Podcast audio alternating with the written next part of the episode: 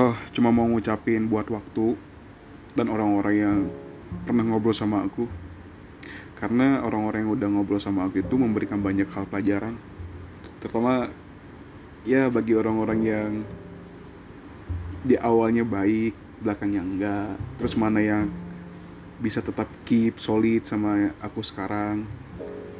Ya akhirnya aku bisa belajar banyak hal bersyukur sama orang-orang yang telah aku temuin terutama yang di Bandung.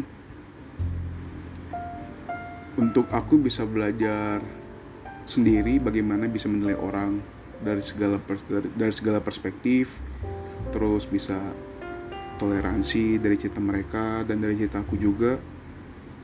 Terus bagaimana bisa bersyukur sih kurang lebih seperti itu